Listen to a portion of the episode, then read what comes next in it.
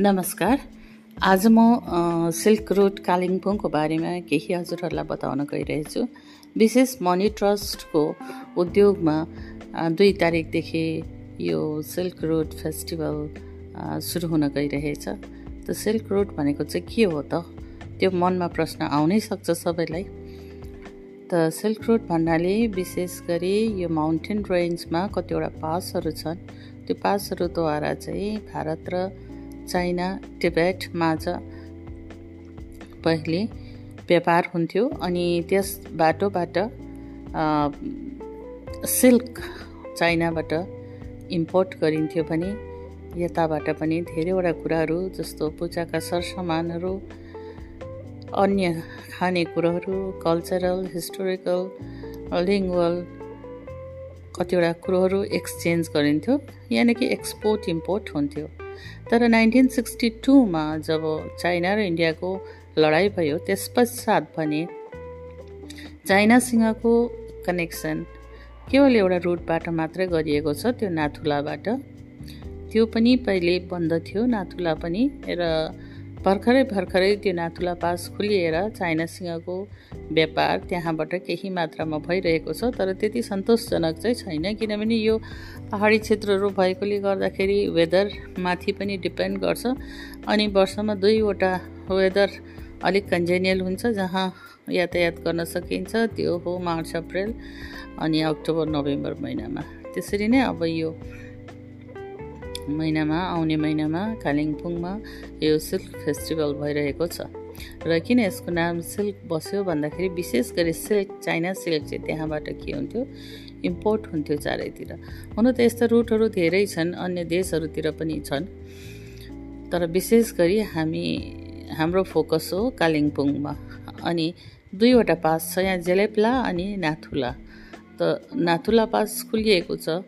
सिक्किम भएर हामी जाने गर्छौँ होइन? पास लिएर जान पर्ने हुन्छ।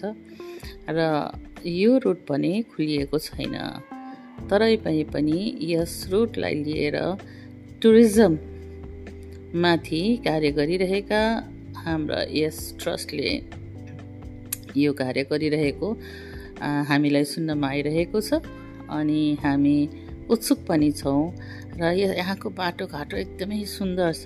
धेरै प्याकेजहरू पनि हुन्छ टुरिज्मको निम्ति होइन? जेलेप्लाको नाथुलाको। नाथुला त जाइन्छ।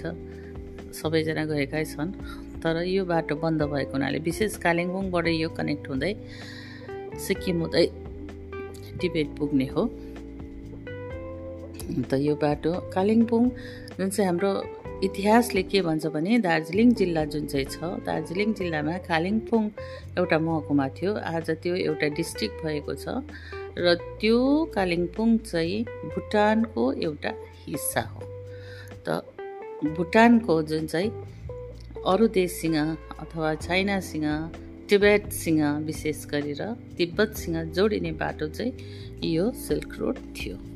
तर कालान्तरमा गएर त्यो भाग अहिले पश्चिम बङ्गालको एउटा जिल्लाको रूपमा छ। तसर्थ यो यहीँबाट नै जेलेप्ला भएर माथि टिबेटसम्म जाने बाटो बन्द छ आजसम्म।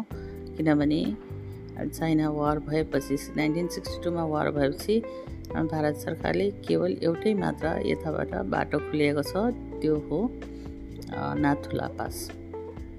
यहाँबाट धेरै इम्पोर्ट एक्सपोर्ट गरिन्छ। र अब भने सायद यो फेस्टिभलको उद्देश्य यो बाटो पनि टुरिज्मको निम्ति भने खोलियो भने भारतवर्षलाई पनि सहयोग हुन्छ। अथवा इकोनोमिक ग्रोथ हुनमा टुरिज्मको ग्रोथ हुनमा यसले सहयोग पुऱ्याउँछ भन्ने मनसायले नै यो फेस्टिभल गरिँदैछ र फेस्टिभल के कस्तो हुन्छ गएपछि फेरि त्यसको विवरण म हजुरहरूलाई बताउनेछु। अहिलेलाई यति नै राखेँ। नमस्कार।